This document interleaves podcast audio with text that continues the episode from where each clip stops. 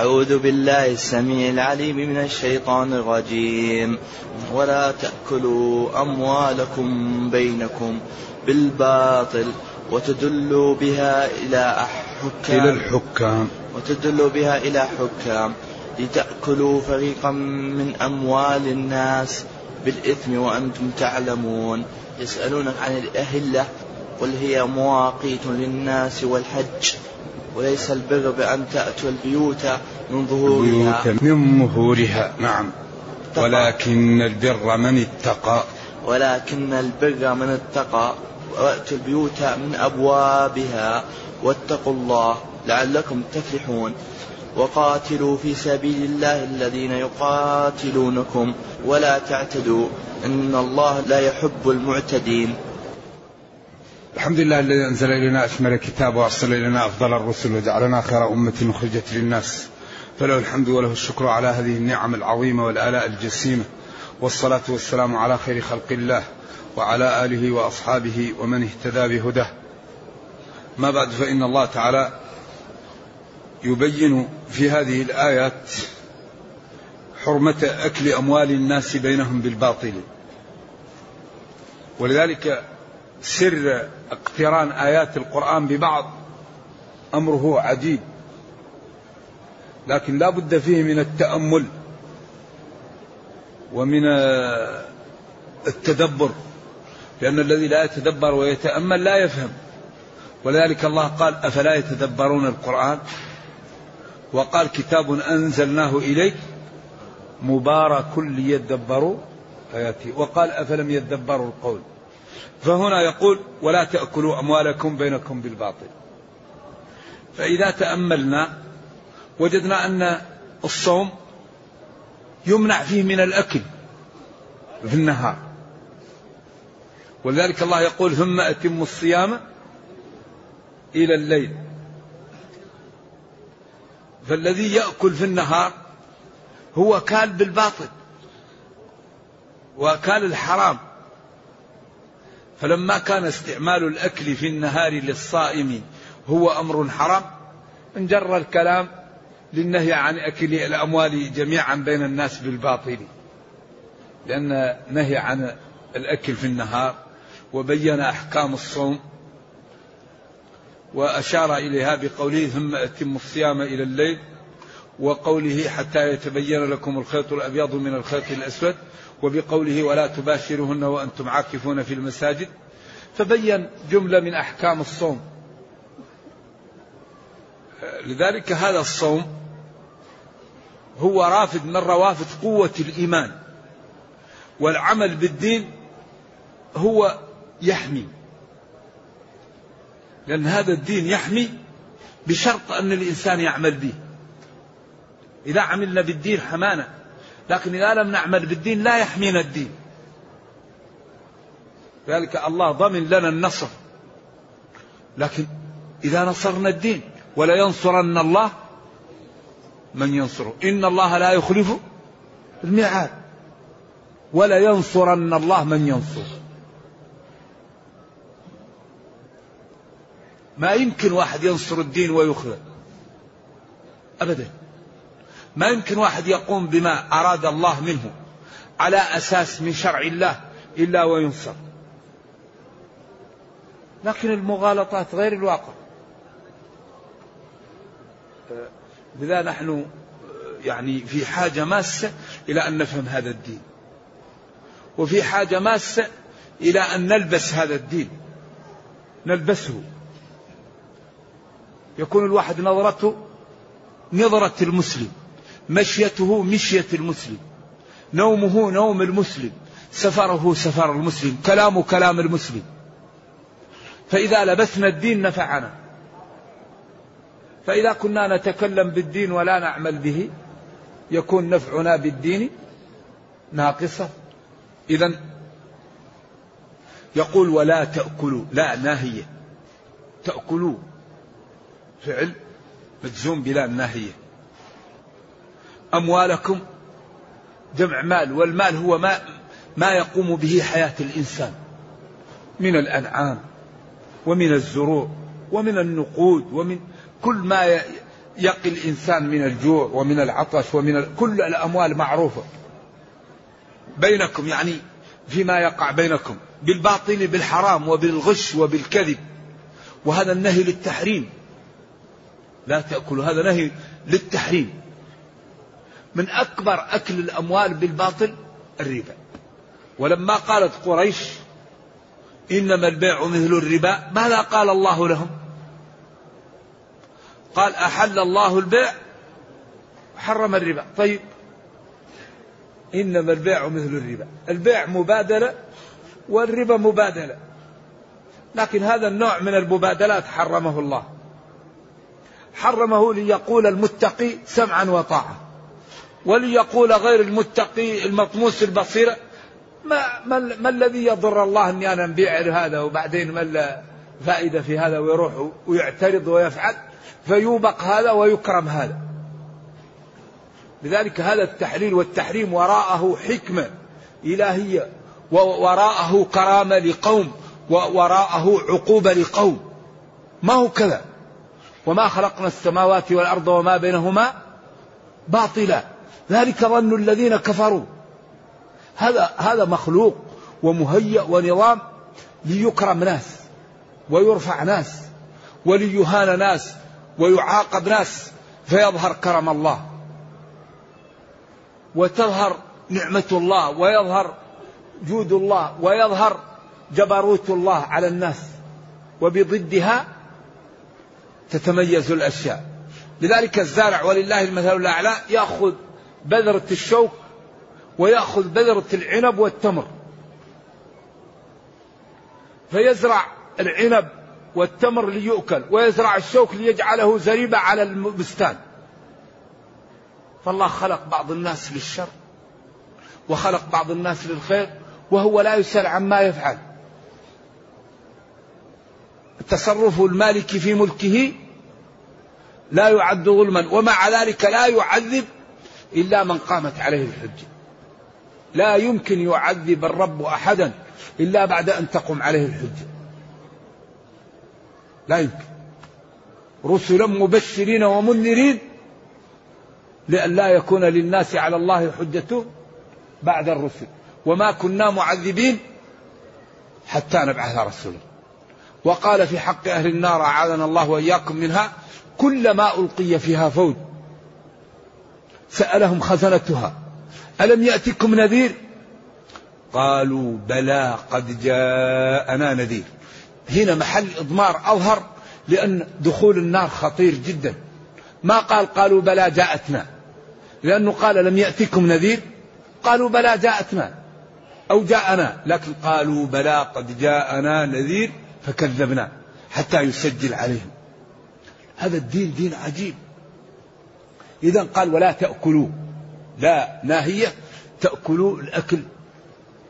تستعملوا وتفعلوا في أموالكم, أموالكم بينكم بالباطل. منها الربا. وهذا أخطر معصية بعد الكفر. لا يوجد شيء أعظم من الربا. قال العلماء أغلب المعاصي عليها عقوبات في الدنيا إلا الربا لا عقوبة عليه في الدنيا. لخطورته.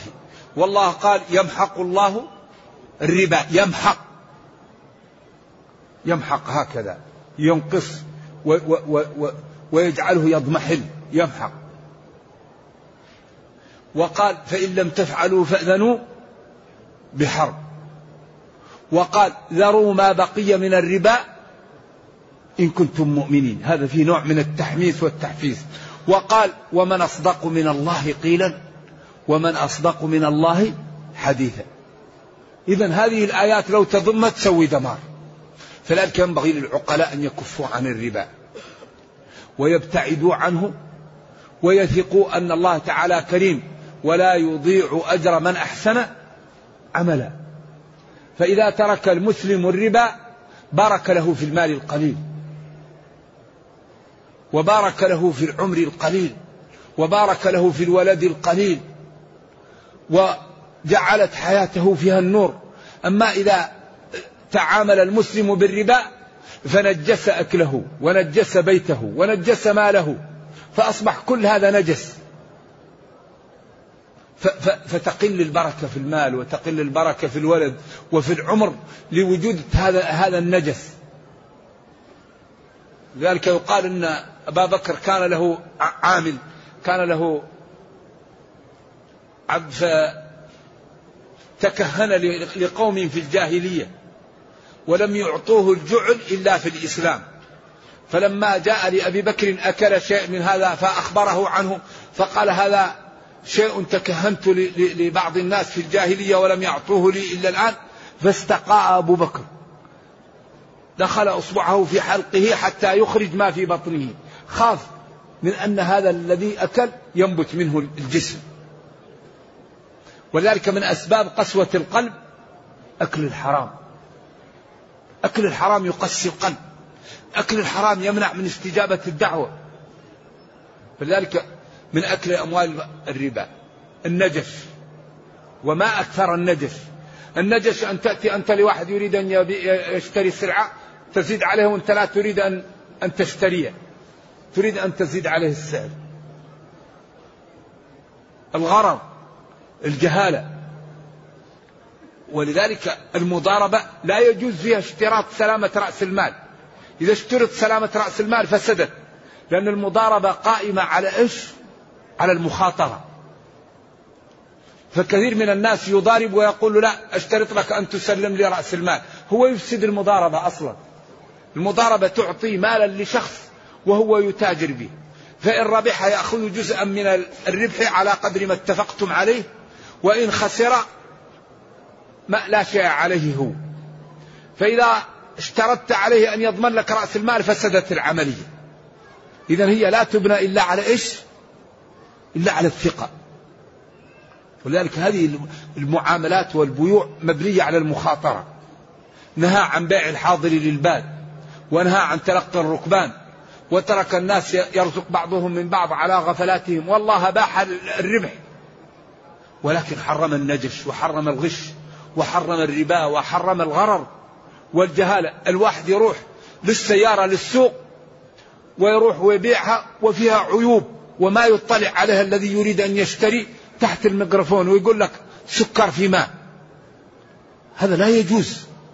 إذا أردت أن تبيع سيارة في السوق قل هذه السيارة فيها كذا وفيها كذا وخذ ورقة واكتب كل ما في السيارة والذي يريد أن يحرج عليه يقول له يعد لمن يريد أن يشتري هذه الأشياء.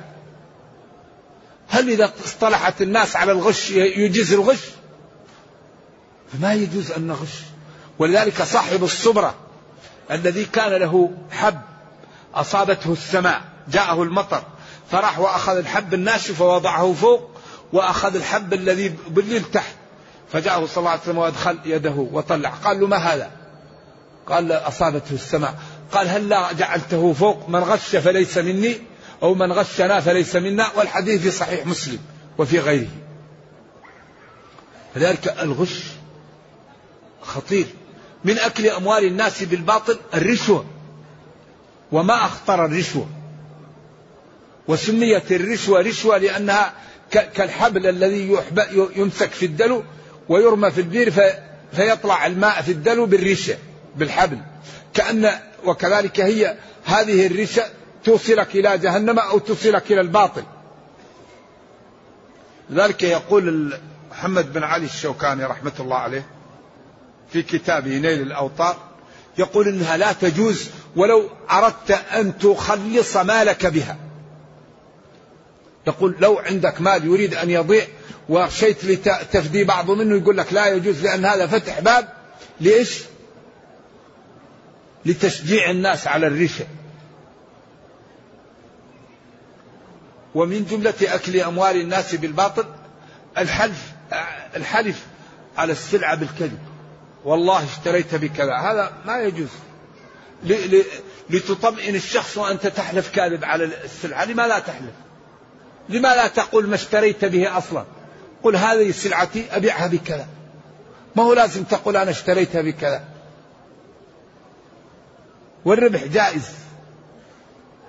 ولا حد له. لكن لا يجوز للإنسان أن يأخذ آه، السلع التي يحتاجها الناس ويرفعها رفع يكون يجحف بهم ولا طريق لهم إلا هي. كما أنه لا يجوز للإنسان أن يأخذ ما يحتاجه الناس ويخزنه. لي لي لي لي والناس في حاجة إليه. لا. لكن إذا اشترى الإنسان من السوق في حالة يعني التوسع ودس البضاعة حتى غلت وباعها يجوز له ذلك. لكن لا يشتري ما في السوق ليعنت الناس فيرفع عليهم. ولذلك بعض الأمور تتمايز بماذا؟ بالنيات.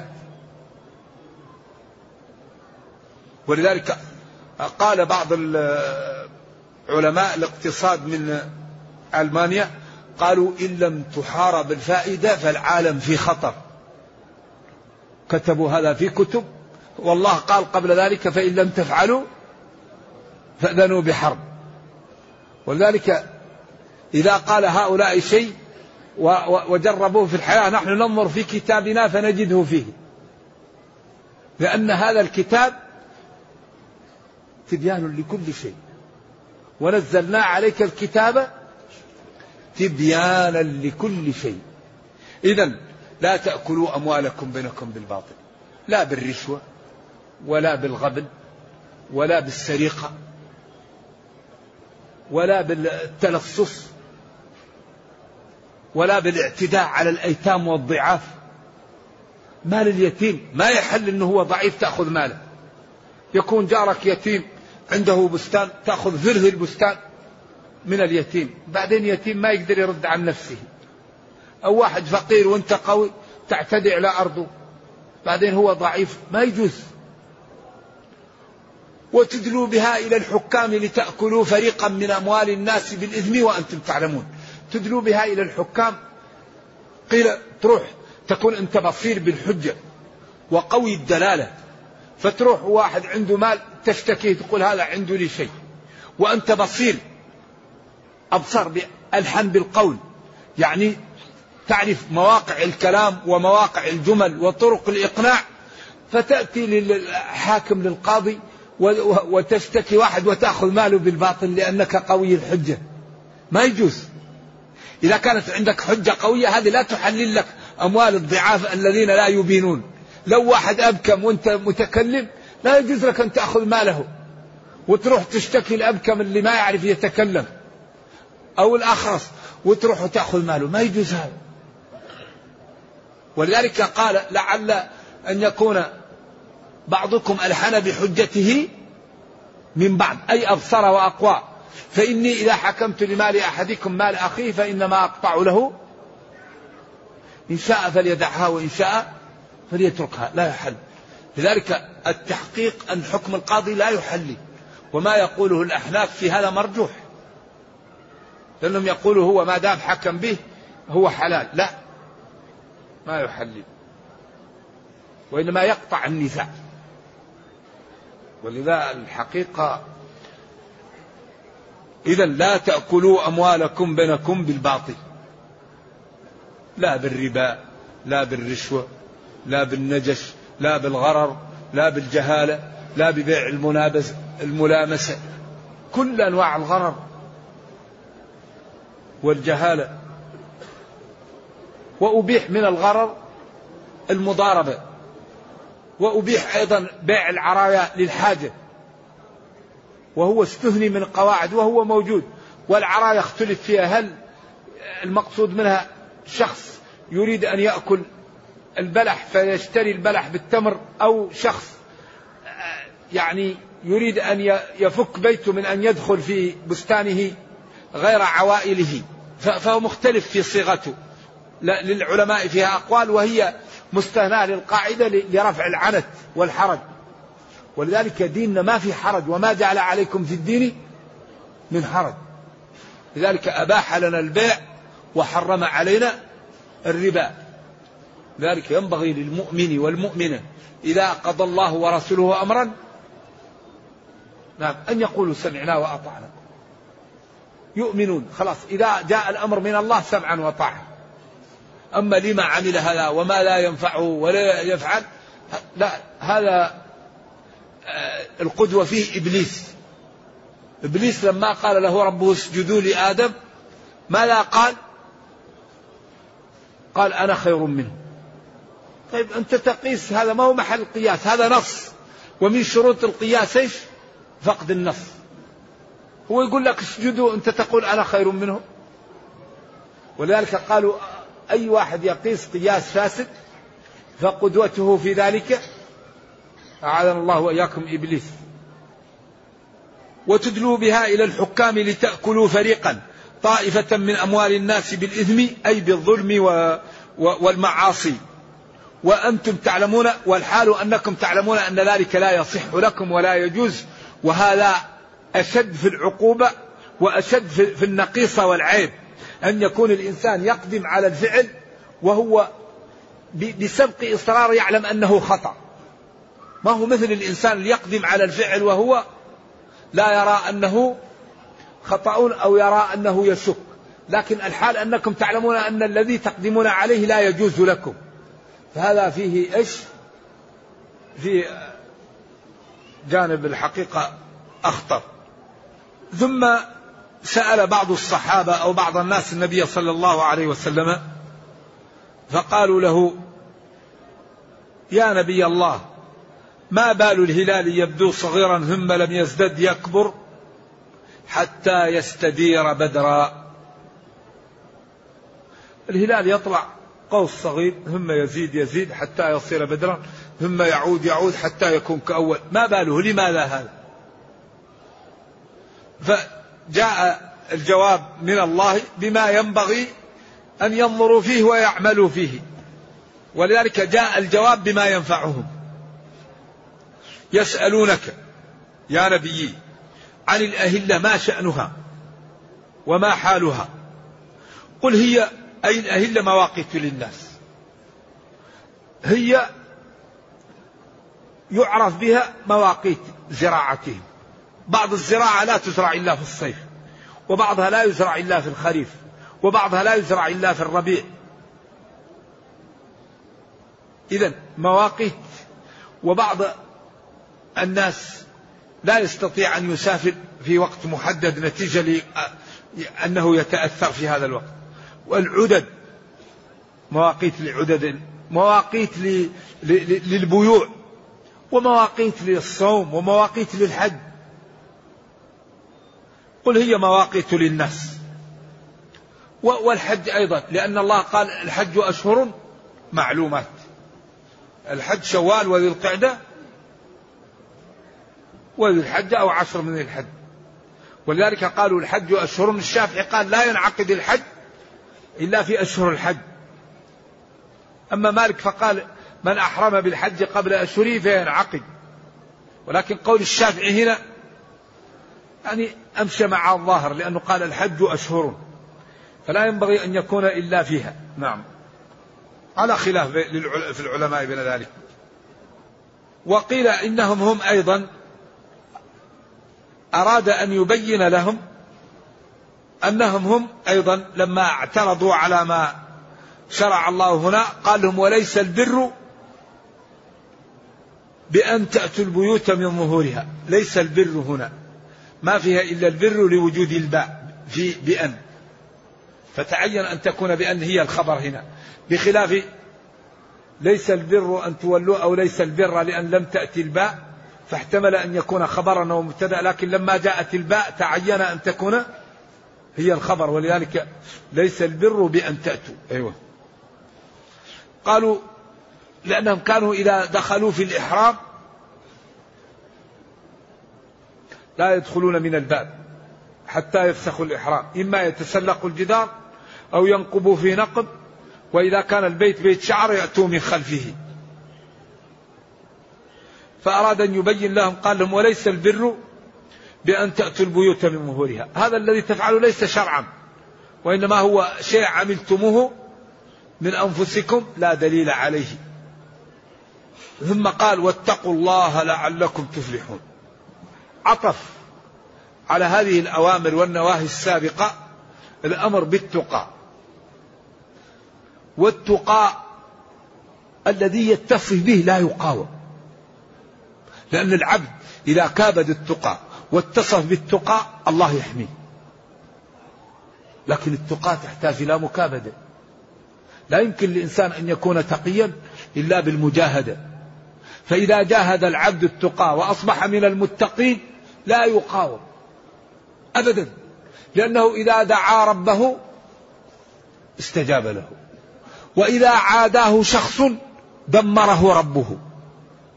وإذا طلب شيئا أعطاه الله إياه. وإذا يعني يكون في حماية.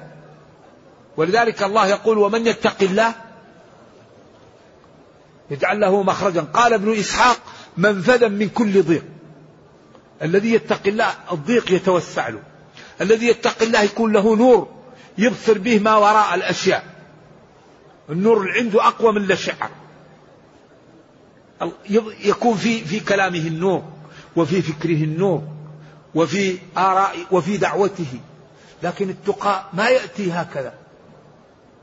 التقى حقيقته أن لا ترى حيث نهيت ولا تتخلف حيث أمرت. وسأل رجل عمر عن التقى قال له ما التقى قال له أمشيت في أرض مشوكة؟ مشوكة كثيرة الشوك. من اسم ما كثر اسم الأرض مفعلة.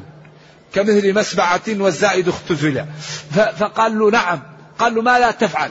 قال لا أضع قدمي إلا حيث يقع بصري. قال ذلك التقى. التقى أنك أي فعل تريد أن تفعله؟ هل هو واجب؟ هل هو جائز؟ نمشي. حرام؟ لا. أي شيء نريد أن نقوم من مجلس رايح. هل المجلس اللي رايح له يجوز؟ نمشي. نريد أن نعطي عطاء. هل العطاء يجوز؟ نفعل. أي شيء نريد أن نفعله؟ ما حكمه.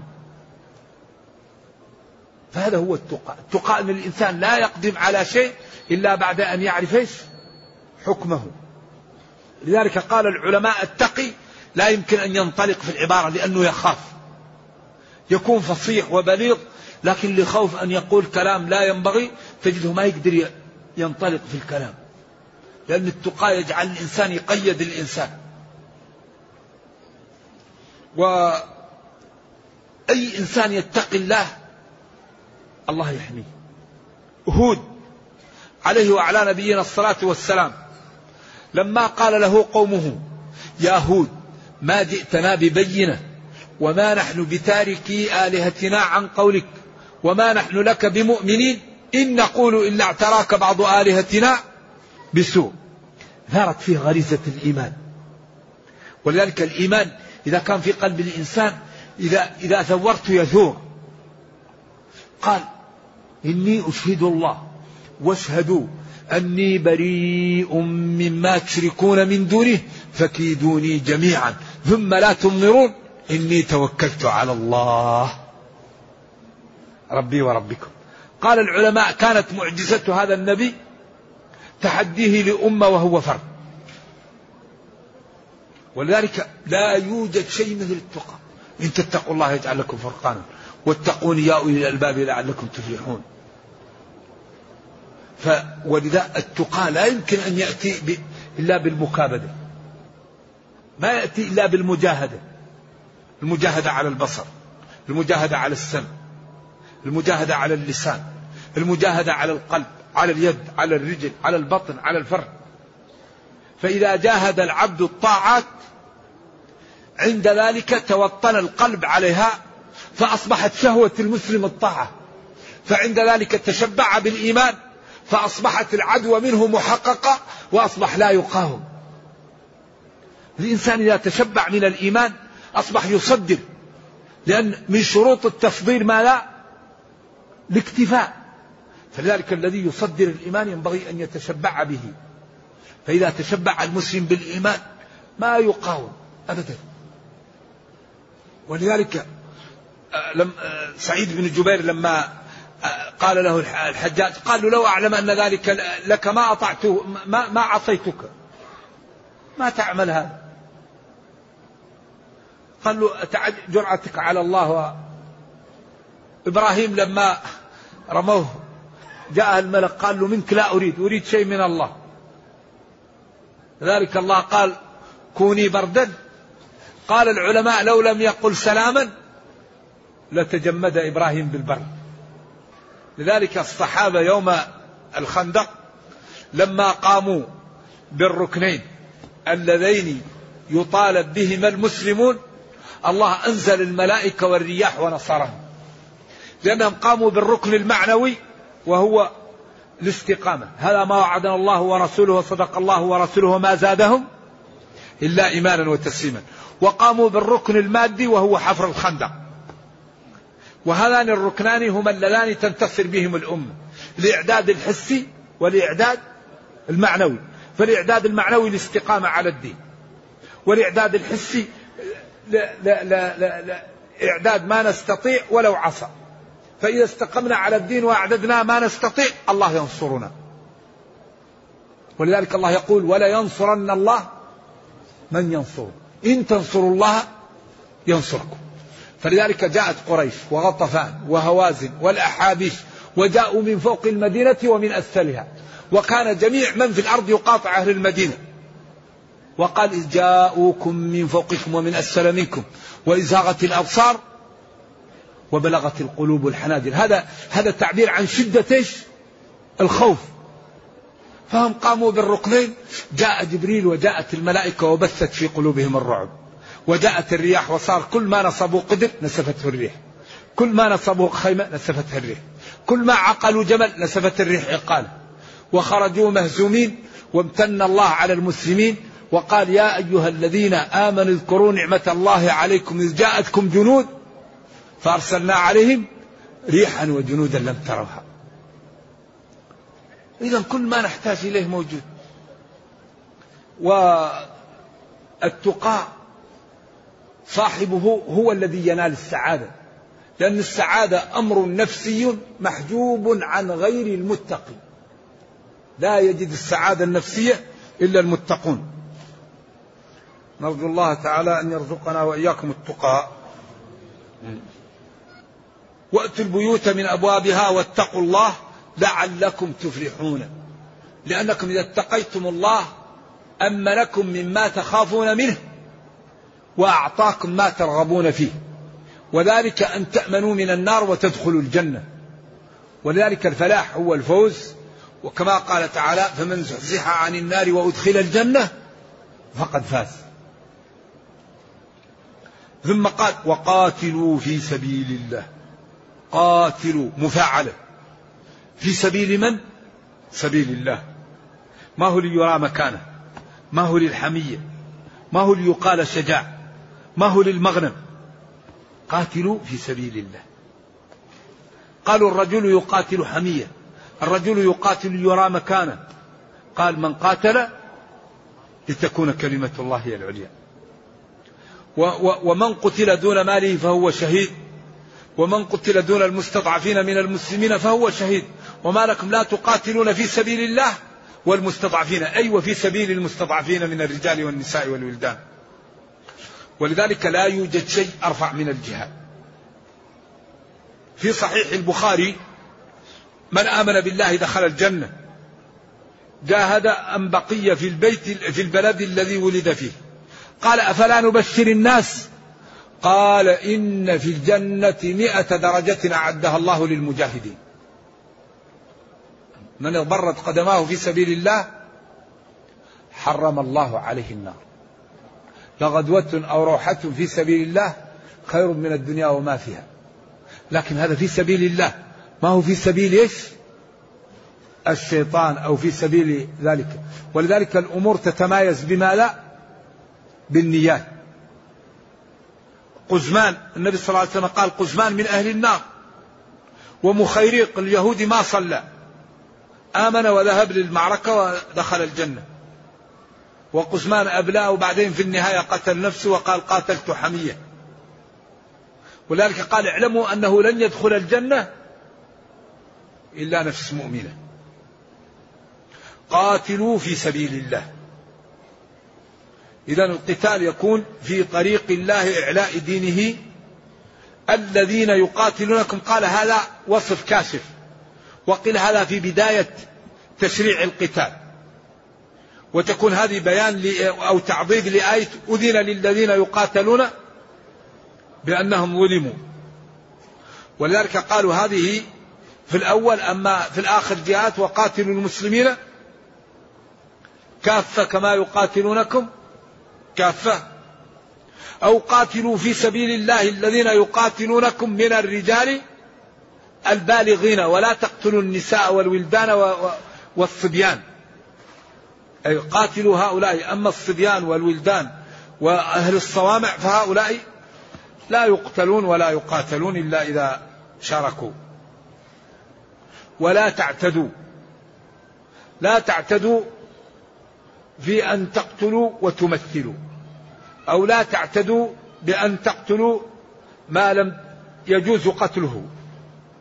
يعني لا تعتدوا. يعني ما أبحت لكم افعلوه ولا تزدوا عليه.